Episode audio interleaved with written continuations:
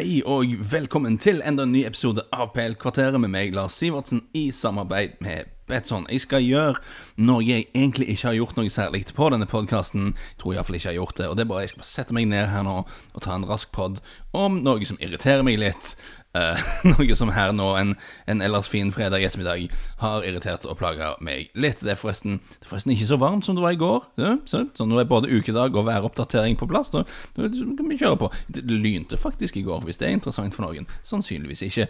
Uansett, det er ikke meningen at uh, dette skal bli en sånn klage-rente-podkast, Uh, men, men, så er dette episode 94, og jeg tror egentlig ikke jeg har gjort det noe særlig før, så jeg skal ta meg lov akkurat her nå. og siden vi normalt sett her på podden sikte på å gå litt dypere inn i dagsaktuelle tema, så har episoden endt opp med å bli litt lengre enn det som egentlig var meningen, eh, siden det er litt mer sånn Dette er en litt mer sånn Lars, Ma Lars mase om noe-episode, eh, så skal jeg prøve å holde det litt kortere. Vi må se hvordan det går. Uansett, jeg, må begynne, jeg vil begynne med å snakke litt om kontrakter. Eh, og spesifikt kontrakter som fotballspillere signerer. Eh, de er litt spesielle. Vi pleier å fokusere på hvor mange nuller som står i de, hvor store og lange kontrakter de er når de går ut. Klausuler, all, all verdens ting. Men det vi kanskje ikke tenker så mye på, da, eh, er at fotballspillerne sine kontrakter de er litt spesielle. De er du, du er bundet da, til en arbeidsgiver på en måte som er ganske unormalt eh, i, i, andre settinger. Og Jeg vil gå tilbake til en kronikk som jeg leste i april, da det virkelig var ille på koronafronten. Eh, klubbene begynte å innse at dette her kommer ikke til å gå så bra, og at de vil tape veldig mye penger. Så, så ble det veldig mye snakk om at spillere måtte ta lønnskutt. Eh, og det var veldig usikkert Det var usikkert om de, at det i det hele tatt var mulig å avvikle fotballsesongen.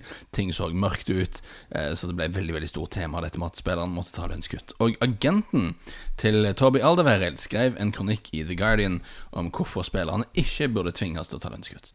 Eh, og eh, dere som hører på denne poden, vet jo at jeg er, litt opptatt av at velstanden er litt skjevt fordelt her i verden og sånne ting. At du har noen mennesker i verden som har altfor mye, og, og, ganske mange som har veldig lite og sånn. Eh, så, så mitt naturlige instinkt da var jo å si nå, nå er det krise, og nå må disse unge mange millionærene Nå må de tåle å si fra seg litt av de pengene de har.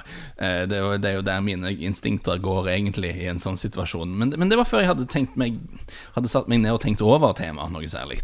Og, eh, og, de, og den retningen ja, altså jeg, jeg, leste en kronikk, da. Jeg, jeg, jeg, så her har agenten til en veldig veldig, veldig, veldig godt betalt fotballspiller. Han har skrevet en kronikk om hvorfor de ikke må si fra seg penger når alle sliter. Og jeg tenkte dette kommer jeg til å være veldig uenig med, eh, så jeg, så jeg satte meg ned og leste den. Eh, men av og til så skjer det jo sånn her i verden at, um, og det er en veldig fin ting når det skjer, at du leser noe, du hører noe, du tar inn over deg et nytt perspektiv, og, det gjør faktisk at du ombestemmer deg. Det, det skjer ikke veldig ofte. Vi, vi, liker å liksom klamre oss fast til de synspunktene vi i utgangspunktet har, og vi leser helst ting som liksom støtter opp om det, men, um, men av og til ombestemmer du deg. Og, og poenget til agenten til Aldeverel eh, som for øvrig heter Steen Francis. Eh, det er et poeng jeg egentlig ikke hadde tenkt så mye på, men Og det, det, det er at fotballspillerne sine kontrakter de er litt snodige. En, en normal arbeider kan forlate sin arbeidsgiver etter en viss oppsigelsesperiode, og en arbeidsoppgiver kan si opp en ansatt innenfor en viss oppsigelsesperiode. Det, det, er, sånn er, det er sånn i våre hverdager. Men, men, i fotball er det jo ikke sånn.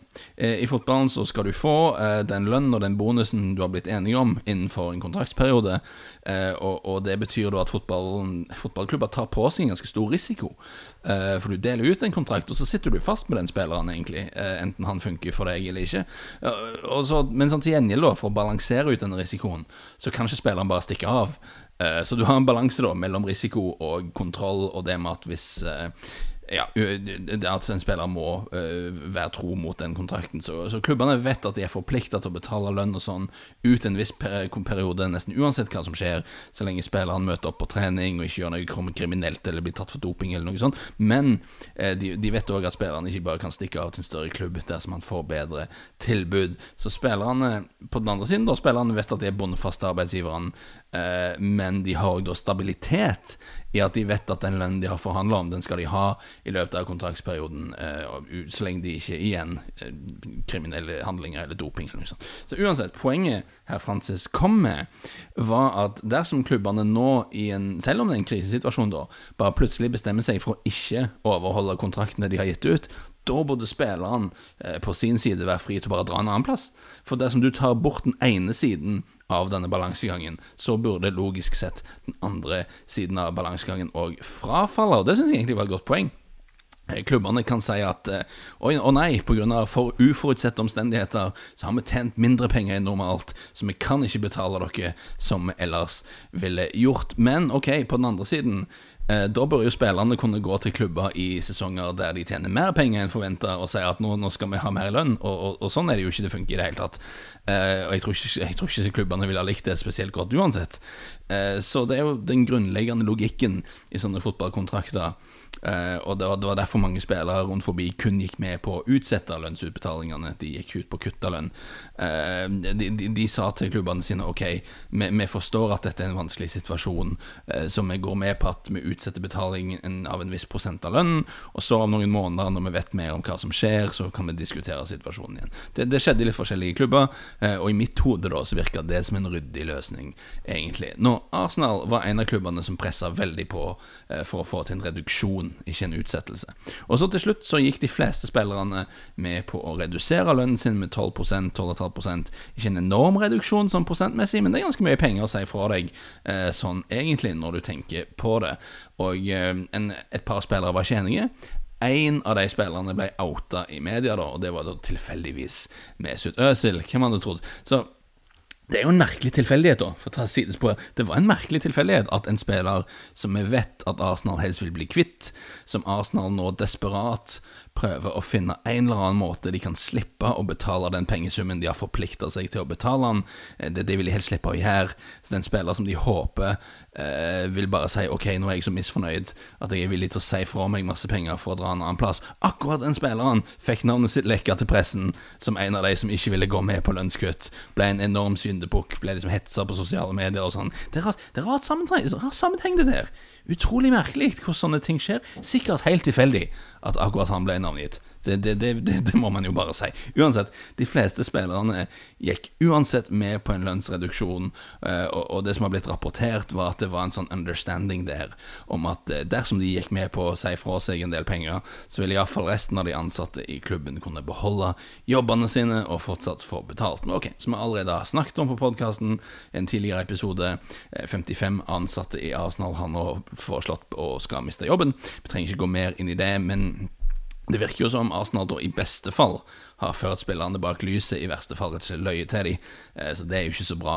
Eh, og Mesut Özil ga et intervju denne uken der han sa sitat her, um, For anyone in this situation, you have a right to know everything, to understand why it's happening and where the money is going.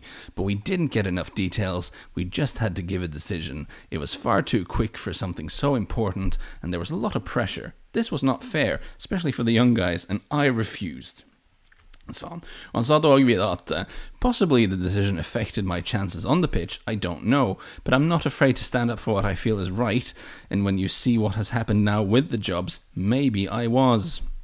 Så han er ikke alltid den mest sympatiske karakteren Øzil, men jeg, jeg, har veldig sympati med hans standpunkt her. Jeg syns han er virkelig inne på noe. Og uh, uansett, det var det med jobbene, men i dag ble det altså da bekreftet at William uh, er klar for Arsenal. Uh, han hadde tilbud om å bli værende i Chelsea, men det er kun på toårskontrakt. Arsenal kunne tilby han tre. Det er nok også, en opsjon på et fjerdeårkontrakt der. Jeg tror det er opsjonen er på klubbens side uansett. når det gjelder detaljene i sånne kontrakter, så så skal man alltid være litt forsiktig, men det som blir meldt i media med en, eh, med en avis iallfall rapporterer at William vil tjene ca. 100 000 pund i uken, men inklusiv da en voldsom signeringsbonus, ymste andre bonuser, så kan avtalen ende opp med å ha en totalramme på en 35 eh, millioner pund, var det vel, over tre år. Så det tilsvarer jo noe sånn som hvis du bare Eh, deler det på antallet uker, og sånn, så ender man opp på sånn 220 000 pund i uken, som jo er ganske dramatisk. Men ok, Det er helt normalt at spillere som skifter klubb når kontrakten går ut, på såkalt bossmann-overgang, som vi pleide å kalle det, eh, at de får en ganske fet eh, signeringsbonus, for da kan agentene deres kan gå til klubben som kjøper og si hei, hei, dere slipper å betale overgangssum for, for gutten min her nå, så da skal vi ha en del millioner ekstra i bonus. Det er helt normalt. Og det er en av grunnene til at en del spillere lar kontrakten gå ut. Eh, Eh, men det er òg veldig risikabelt, eh, for en spiller kan jo da teoretisk knekke foten eller ryke korsbåndet eller noe sånt når de er et par uker igjen av kontrakten deres. Altså, da, sitter de der. Det, det, er jo ikke bra. Så det er en risky manøver, men det er en manøver som kan betale veldig, veldig godt. I tilfelle William, om det stemmer, da, kan ta litt enkel matte her. Hvis det stemmer at 100 000 pund i uka er basic, så er det 15 millioner over tre sesonger, stemmer vel. Og det vil si at det er 17 millioner. altså Hvis totalparken er hvis totalpakken er 35 millioner, så er det opp med sånn 17-20, faktisk. 20, 20, millioner blir det vel, uh, av totalpakken er, er, bonuser. Og det vil være en del normale bonuser der kobla til individuelle og lagprestasjoner. Champions League-kvalik, kanskje.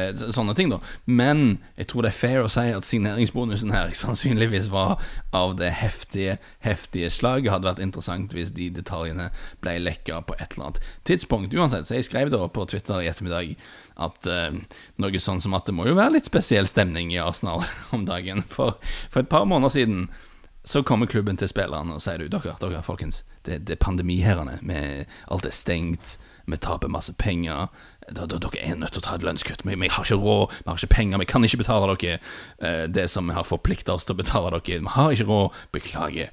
Uh, og spillerne ville helst De ville helst ikke det. I, ifølge The Athletics så ville spillerne helst utsette utbetalingene, og de ville ha forsikringer om at ingen andre ansatte i, i klubben ville bli sagt opp. Eh, men de går til slutt med på det, de sier fra seg masse penger, eh, og de har da inntrykk av at ingen skal få sparken, så isteden så blir det først 55 ansatte skal ut, og så en ukes tid da etter det, så jeg, jeg, lurer jo Jeg lurer på hvordan klubben ville formulert dette hvis det var et sånn hypotetisk grupperommøte et eller annet sted. Så er det ja, ja ok, alle er samla her. Eh, dere husker hvordan vi sa at vi ikke hadde råd til å overholde kontraktene vi delte ut? Ja, eh, ok. Og, og, takk for at dere ga opp masse penger. Det, det var kjekt. Eh, her er den nye lagkameraten deres. Han er 32.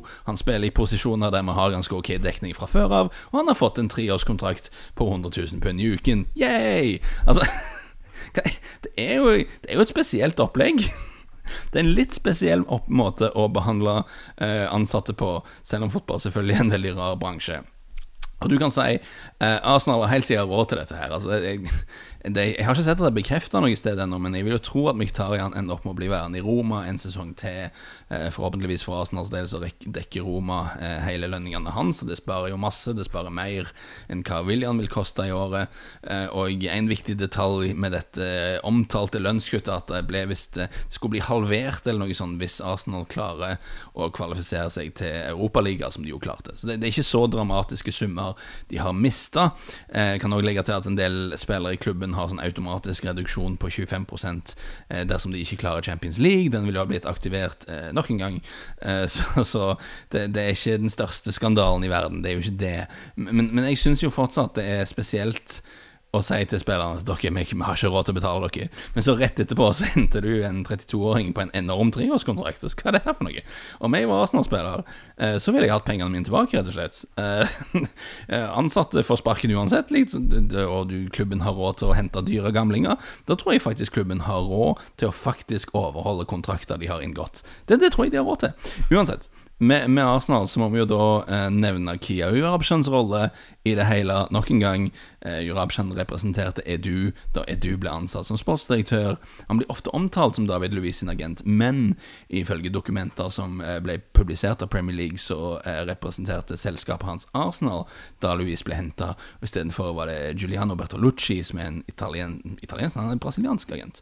Eh, som eh, en fyr som Joe har jobba med i årevis, eh, som representerte Louise. Så det var en litt sånn, sånn klam alle sider av bordet-affære.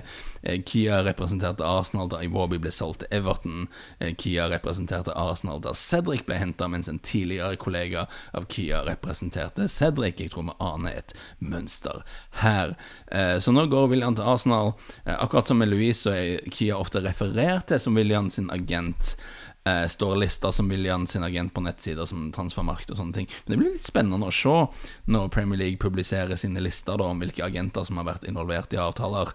Eh, Kefreds side av bordet Kia Jurabshan har eh, plassert seg sjøl på, på, her. Eh, og uansett, når det er sånne bindinger, da, så, så må man jo alltid lure på om, eh, om er William den beste spilleren eh, på hele markedet for Arsenal som de kunne brukt eh, ressurser på, eller er det rett og slett den overgangen som passer best for individene som er involvert? Men når alt det er sagt, da, så tror jeg rent sportslig at William kan gjøre en helt ok jobb for Arsenal neste sesong iallfall. Jeg er litt spent på hvor effektiv han kommer til å være om sånn to og et halvt år, når Arsenal fortsatt sitter der og betaler han 100 000 pund i uken. Vi håper for Arsenals del at han passer godt på kroppen, og at han tåler tidens tann bedre enn de fleste kantspillere gjør. Eh, men, eh, men, det at han er en ving med Han har veldig, veldig ok offensive kvaliteter, ni mål og syv mål i denne sesongen, ok. Eh, men han skårer veldig høyt for sånne pasninger som leder til avslutning på mål. Jeg er litt skeptisk til sånn chance creation og sånne ting. Det, det er en statistikk jeg ser folk bruke. Det, det, da blir det mye sånn subjektiv vurdering av hva som er en sjanse, da. Men en ting du kan telle, er pasning som leder til avslutning på mål.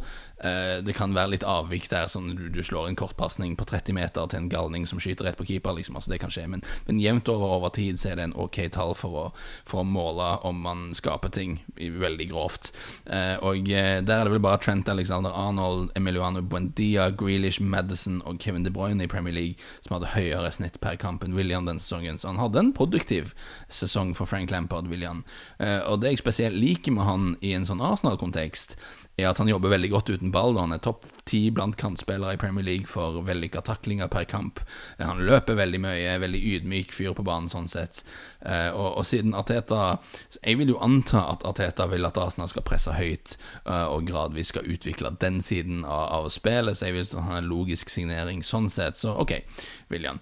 Uh, Kia Jurabshan har, han har nok en gang tatt et sånn dypt, dypt drag av sugerøret han har nede i bankkontoen til Arsenal om dagen, eh, og så vil historien vise om, om, det var klokt eller ikke. Jeg tror at på kort sikt eh, så blir William et, et, bra tilskudd i Arsenal. Spørsmålet er mer, som vi har snakket om tidligere, om Arsenal Internt i klubben da Så blir det visstnok snakket om at eh, de vil være Londons Dortmund, og liksom de skal utfordre de rikere klubbene med å finne talenter og undervurderte spillere som de da videreutvikler. Og, og spørsmålet er da å, å, gi en sånn kontrakt som dette til en 32-åring 32 Faller det helt inn i den kategorien? Nei. Og, og, og, det viser seg jo da at Mesut Özil hadde helt rett. Eh, det var ingen som helst grunn til at noen av spillerne måtte ned i lønn. Arsenal har mer enn nok penger. Eh, så, så det er jo gode nyheter for de som heier på Arsenal. Litt dårlige nyheter for spillerne, som jo må føle seg litt lurte akkurat nå, skulle en tro. Uh, uansett, liten klagepod. Jeg skal, skal, prøve å ikke gjøre det til en vane, men etter 93 podder eh, som var stort sett litt mer substansielle, så syns jeg at det var lov denne ene gangen. Og eh, sinte Arsenal-fans, eh, jeg har veldig stor respekt eh, dersom dere har kommet så langt som dette i denne podkasten. Det er et sunnhetstegn at man bruker tid på å høre på folk som sier ting man er uenig med av og til. Så, så, så, klager og protester kan sendes til at Lars Sivertsen på Twitter, så kan vi snakkes der. resten av dere, jeg, hører, jeg håper vi høres igjen sannsynligvis en gang neste uke. Et eller annet sånt. Snakkes.